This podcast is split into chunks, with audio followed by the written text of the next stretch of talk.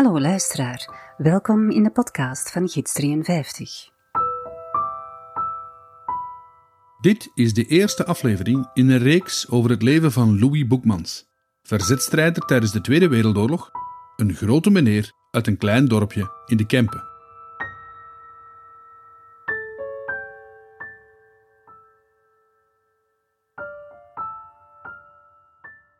Deze podcastreeks was bedoeld om samen met Louis te doen. Helaas is hij stilletjes van ons heen gegaan op 18 juli 2021, slechts een drietal weken voor de opnames. Samen met kleindochter Lydia heb ik beslist om het verhaal toch te brengen, en dit ter ere van hem. Louis heeft de eerste aanzetten nog gehoord, en zoals Lydia mij vertelde, was hij er trots op.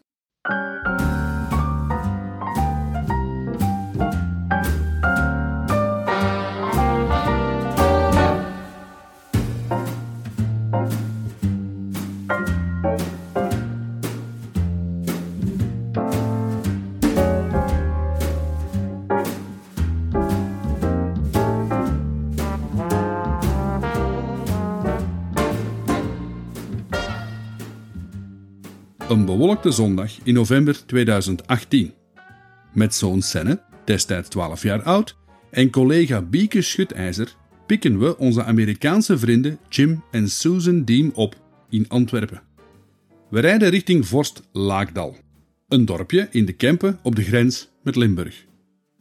We hebben afgesproken bij Louis Boekmans thuis. Louis is op dat moment 95 jaar oud en hij woont nog steeds in zijn huisje met zijn trouwe viervoeter Bobby. Een schat van een hond. Na een hartelijke ontvangst zet kleindochter Lydia een lekkere pot koffie. Wij hebben de rijstvla bij. Louis zijn favoriete gebakje. Hij begint meteen honderd te vertellen over zijn leven en zijn belevenissen tijdens de Tweede Wereldoorlog.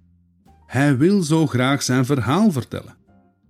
Nu, ik gids al enkele jaren in het fort van Breendonk. En een van mijn wandelingen is opgebouwd rond dat verhaal van Louis Boekmans. Want Louis was een verzetsman tijdens de oorlog. En hij heeft kennis gemaakt van heel dichtbij met de repressie en de terreur van de nazi-bezetter. Eerst in het SS-kamp van Breendonk, daarna in de concentratiekampen in Duitsland. Na jaren van trauma en stilzwijgen moet het verhaal verteld worden, vindt hij. Zoveel van zijn lotgenoten zijn immers niet meer in leven. En wij? Wij hebben geluisterd, geboeid en soms onthutst. Ik kende Louis al enkele jaren persoonlijk, had hem gesproken tijdens de jaarlijkse bedevaarten in het fort, maar die namiddag was toch anders. Zo authentiek. Wat mij steeds is bijgebleven van dat lange gesprek, is het moment waarop hij zijn handen toonde. Handen van een oude man Zeker wel, maar vol met littekens uit de oorlog. En toen hij beschreef hoe hij ze had opgelopen, rezen mijn haren ten berge. Dat kwam binnen. Sinds ik deze podcastreeks ben begonnen, loop ik al rond met het idee om iets rond Louis zijn verhaal te brengen. En steeds komen die handen weer terug. En toen ik van een paar luisteraars dezelfde vraag kreeg, was de kogel snel door de kerk. We spraken af dat we in augustus enkele opnamemomenten zouden doen, want dit ging een podcast van en vooral met Louis worden. Maar zoals u weet, beste luisteraar, heeft het leven er anders over beslist. Toch is dit een historisch vertelsel geworden. Een hallucinant vertelsel. Misschien een beetje eigenzinnig over alles wat Louis heeft beleefd in de oorlog. Van toen hij nog een jonge twintiger was in Tessenderlo. Er is ondertussen al heel wat geschreven over zijn leven, ook door hemzelf trouwens. Maar ik wilde Louis vooral een stem geven. Want niemand kon beter zijn verhaal vertellen dan Louis zelf. En zoals u zal horen, is dat deels nog gelukt in deze podcast.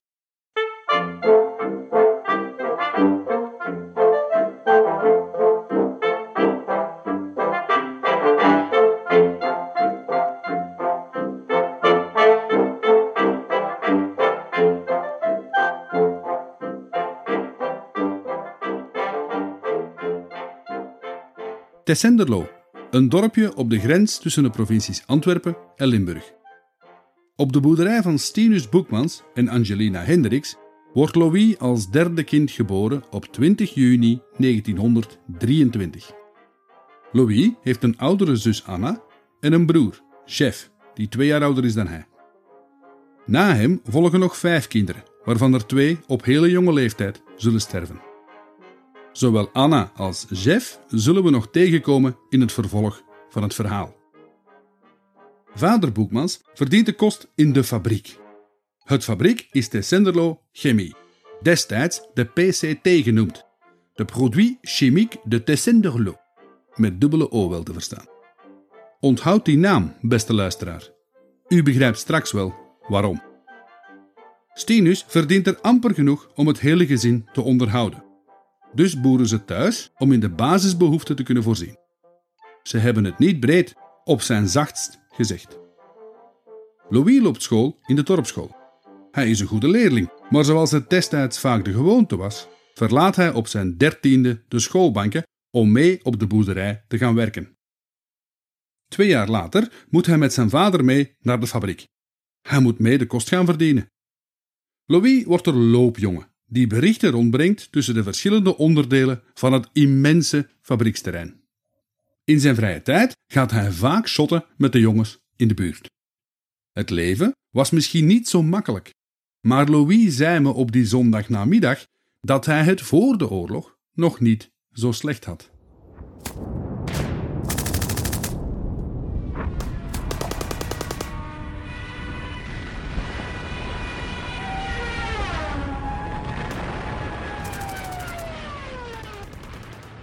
Waarde medeburgers, deze nacht van 10 mei 1940 hebben de luchtmacht en de landmacht van Duitsland de aanval ingezet tegen België.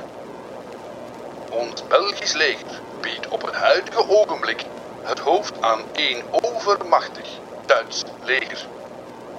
De vijand is erin geslaagd, niet tegenstaande heldhaftige weerstand, het Albertkanaal te bereiken en te overschrijden. Op verscheidene plaatsen heeft een vijand valschermspringers naar beneden gelaten. De meeste onder hen werden vernietigd en andere werden krachtdadig achtervolgd. Overtuigd van de overwinning, met medehulp van onze Engelschen en Franschen verbondenen, kunnen wij zegevieren. Maar hoe heroïs ook, er is weinig opgewassen tegen de blitzkrieg die over Europa raast. Louis en Jeff worden ingelijfd als Krabs. C-R-A-B geschreven. Dit is de afkorting van Centre de Recrutement de l'Armée Belge. Het zijn dus recruteringscentra van het Belgische leger.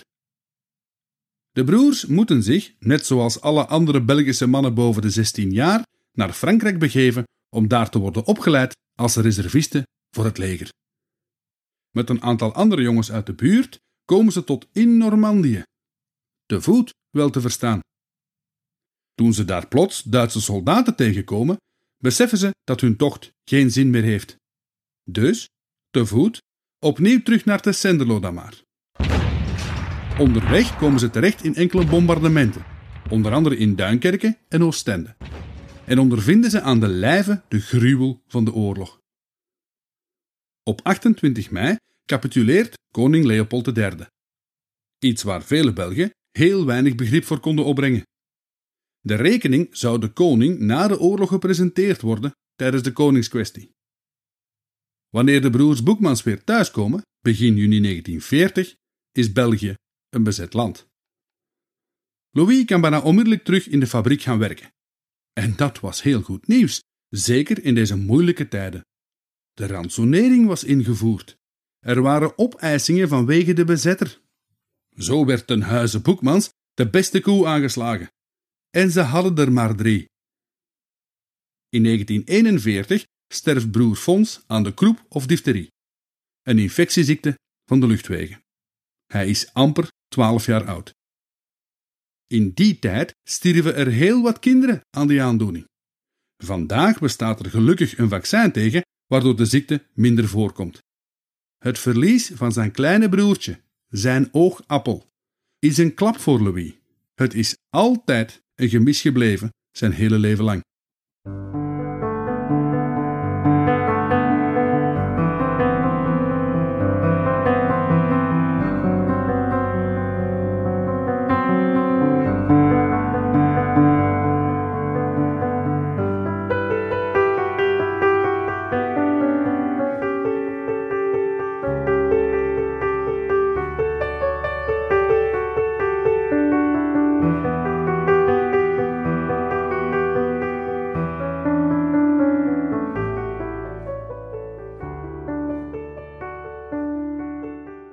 Woensdag 29 april 1942 is een zonnige, maar frisse lentedag.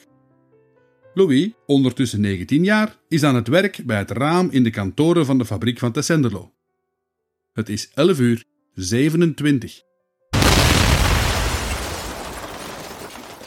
Een enorme knal. Louis wordt weggeblazen tot tegen de muur aan de andere kant van de kamer. Ook de telefoniste die naast hem zat, belandde op dezelfde plaats. De fabriek is ontploft. Louis is niet al te erg gekwetst, al steekt hij vol met stukjes glas van de vensters. Bloedend en in paniek loopt hij naar buiten. Aan de deur ligt er een dode man. Hij leek niet gekwetst, maar door de luchtverplaatsing waren waarschijnlijk zijn longen geïmplodeerd. Wat hij buiten ziet is niet meer of minder dan een oorlogstafereel.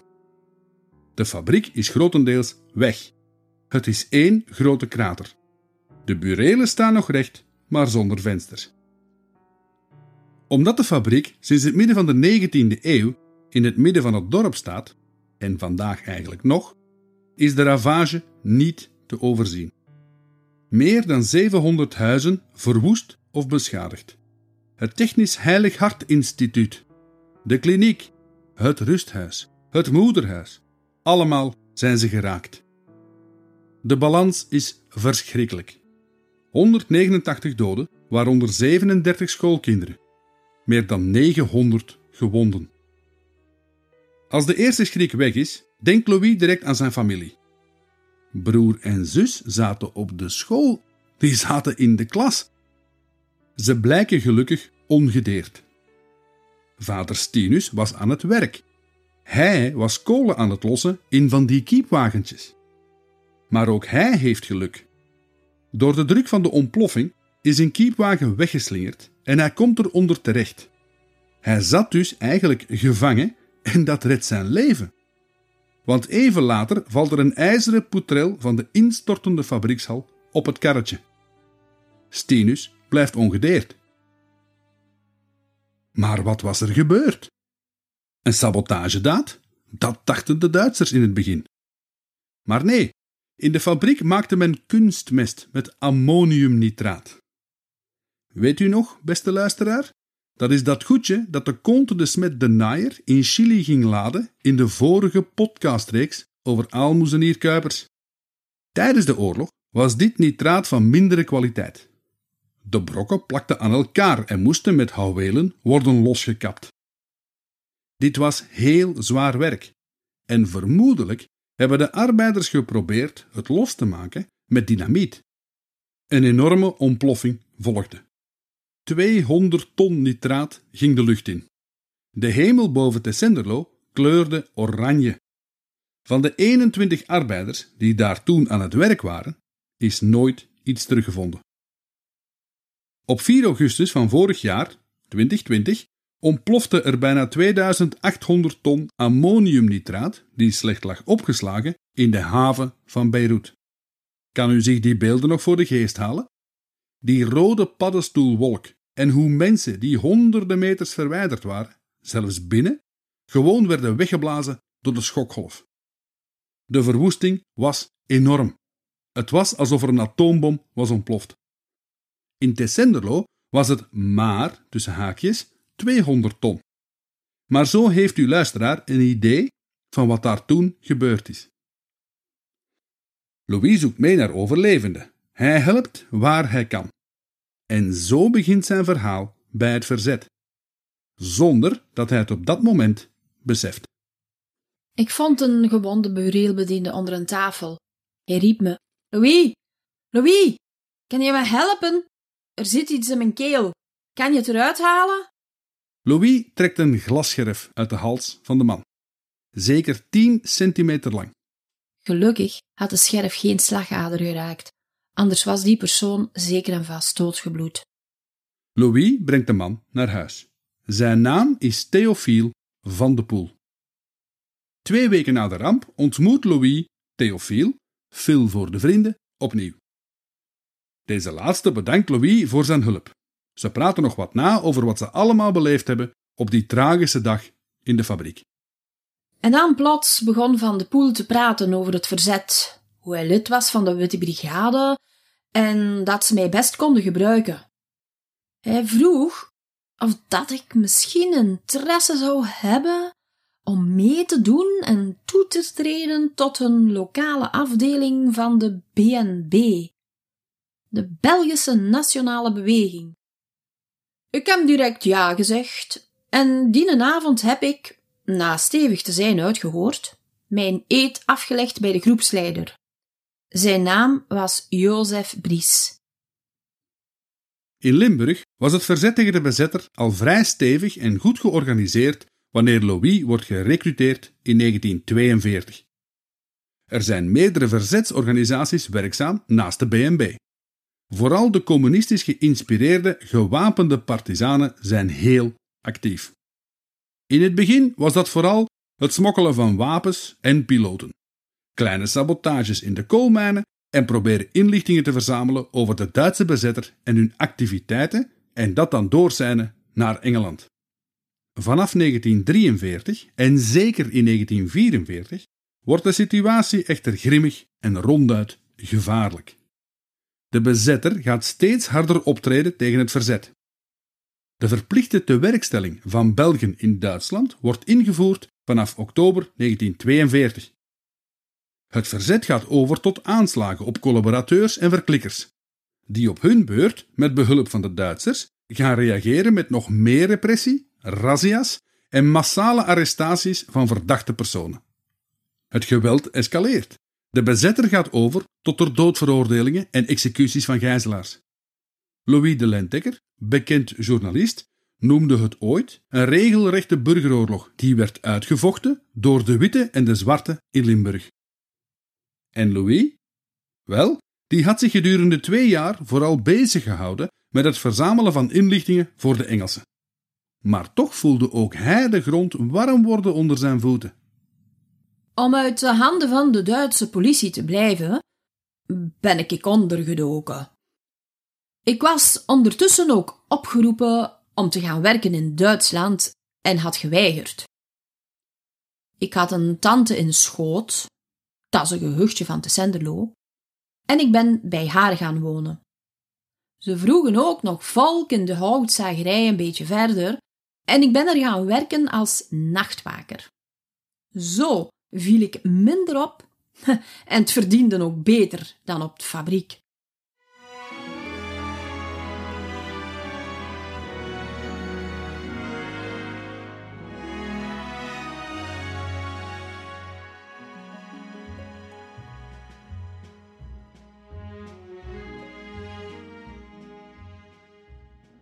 Ondanks dat hij voorzichtig moest zijn, gaat hij op een dag toch naar de kermis in de buurt.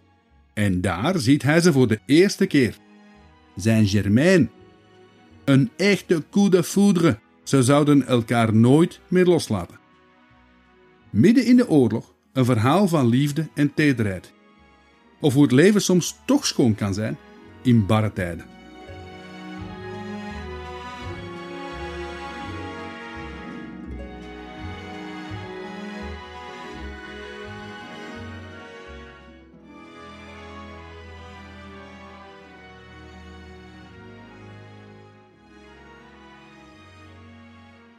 11 juli 1944. Vandaag de Vlaamse feestdag. De oorlog is heel dichtbij. Geallieerde vliegtuigen bombarderen de door de Duitse bezetter gerunde fabrieken in Limburg. Er vallen vele, vele burgerslachtoffers. Louis doet zijn nachtelijke ronde in de zagerij. Het regent dat het giet. Wanneer hij tegen de ochtend weer op zijn fiets springt om naar school te rijden, is hij doorweekt. Hij maakt een beslissing die zijn leven zou veranderen. Om aan droge kleding te geraken, fietst hij namelijk naar zijn ouders. Zo had hij ze ook nog eens gezien, want het was al een tijdje geleden dat hij nog thuis was geweest. Onderweg naar huis kwam ik een meisje tegen die te voet op weg was naar de Senderlo. Ik kende haar. Ze woonde in de buurt van mijn ouders. Ik had nog mee haar broers geschot vroeger, ik wist dat ze vree met een Duitse SS-soldaat die gelegerd was in het dorp. Maar ik had er niet echt bij stilgestaan. Ik fietste verder en kwam tegen de noen bij ons thuis. Ook onze chef was daar toevallig. Ik wist dat niet, want hij leefde ook ondergedoken. Hij was ook werkweigeraar.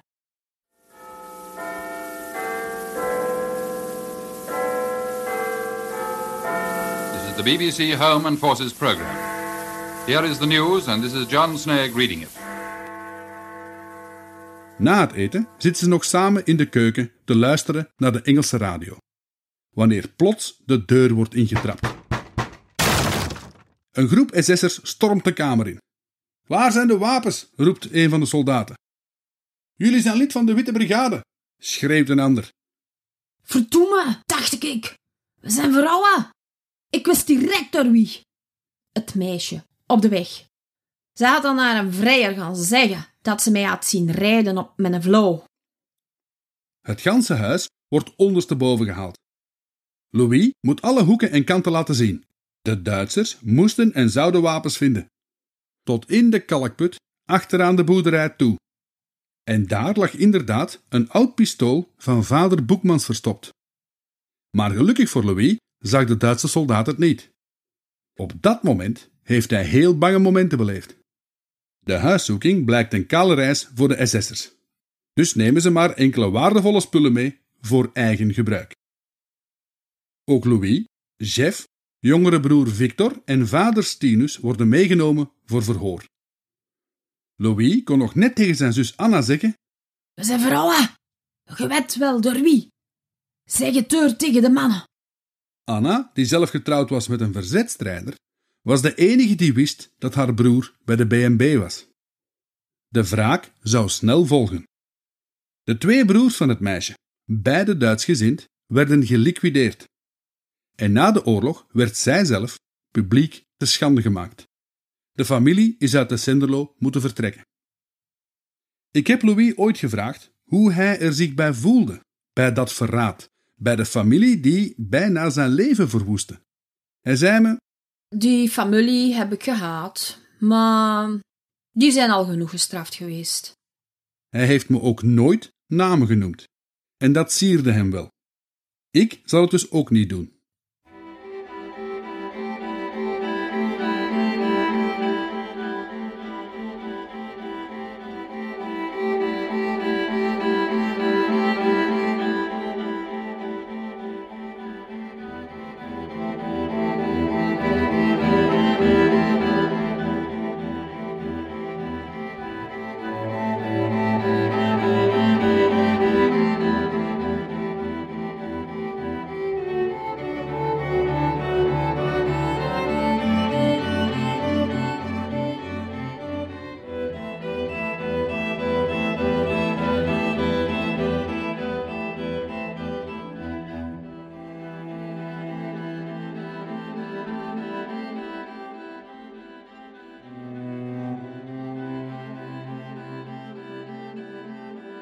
De drie broers en vader worden naar de zusterschool van Tessenderlo gebracht. Daar was de SS gelegerd. In een lokaal worden ze met de neus tegen de muur gezet. Van drie uur in de namiddag tot tien uur de volgende ochtend. Zonder te praten. Vader Stinus en Victor worden vrijgelaten. Louis en Jeff niet. Zij worden met enkele andere opgepakte looienaars, zo worden de inwoners van Tessenderlo genoemd, naar Hasselt gebracht, naar het hoofdkwartier van de Gestapo aan de Havermarkt. Opnieuw, en zeker niet voor het laatst, worden ze met hun neus tegen de muur gezet. Een kwelling. Probeer het zelf maar eens, om zo gedurende langere tijd te blijven staan. Het zal rap pijn doen en vooral, je hebt heel veel tijd om na te denken, te piekeren over wat komen gaat. Plots vloog de deur open. Ik zie ze nog buiten komen met een persoon die onder het bloed zat. En ik dacht, Louis, nu is het even toer. De schrik sloeg me om het hart. Ik nam me voor om niemand te verraden. Voor mijn broer Jeff had ik geen schrik. Wat wist die nu te vertellen over het verzet? Hij was enkel werkweigeraar Dat dacht ik tenminste. Wat is de verrassing groot bij Louis toen hij na de oorlog pas verneemt dat zijn broer ook lid is van het BNB, maar dan in een andere lokale groepering. Uit veiligheidsoverwegingen weten de groepen niks van elkaar. Stel nu dat er leden worden opgepakt, dan kunnen ze onder dwang en verscherpt verhoor niet gaan zingen, makkers gaan verraden. Ze weten van elkaars bestaan meestal niks af. Er gebeurde echter niks. Enige tijd later werden we naar buiten gebracht en in een auto geduwd.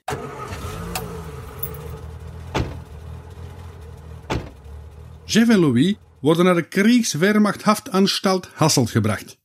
Het gevang van Hasselt dus. Samen met twee andere gevangenen, die ze niet kennen, worden ze opgesloten in een cel. Na enkele dagen wordt er op een ochtend een vijfde man binnengebracht. Die begint direct op te scheppen over zijn verzetsdaden, vooral sabotagewerk. Louis en Jeff houden zich wijselijk van de domme. Ze vertellen niks. Ze weten zogezegd niet eens waarom ze zijn opgepakt. S'avonds komt de Gestapo de man alweer ophalen. Was hij een spion geweest? Zou best kunnen. Infiltratie is namelijk een van de belangrijkste bronnen van informatie voor de Duitse veiligheidsdiensten. Mannetjes zetten die het vertrouwen moeten winnen van een verdachte, om zo de verzetslui te kunnen ontmaskeren. Dus je kan maar beter zwijgen en vooral niemand vertrouwen. 24 juli 1944. Na een tiental dagen in de cel heerst er een zekere opwinding die ochtend. Er wordt aan de deur gerammeld met sleutels. En de vier gevangenen worden naar de binnenkoer gebracht. Daar staan nog enkele heftelingen te wachten. Allemaal mannen uit de Senderlo en het naburige Vorst. Ze worden in de laadbak met zeil van een vrachtwagen geladen. Gewapende SS-bewakers zetten zich aan de laadklep. Het zeil wordt gesloten. Onze bestemming eh, werd ons niet meegedeeld. We reden weg. Toen we even later een tussenstop maakten, waren we in Diest. Een van de medegevangenen was een rijkswachter uit Vorst. Hij zei ons: Ik weet waar we naartoe gaan. Ze voeren ons naar het fort van Breendonk. Wij hadden daar nog nooit van gehoord. Maar de gendarm voegde eraan toe: Het is daar niet goed, jongens. Toen we aankwamen, beseften we direct dat het er inderdaad echt niet goed was.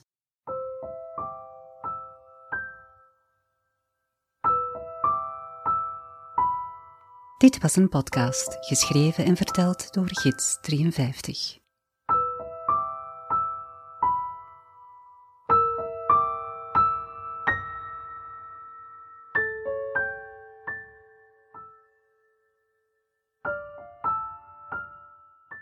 In de volgende aflevering ondervindt Louis aan de lijve wat het betekent om in de klauwen van de SS terecht te komen. Tot dan, beste luisteraar.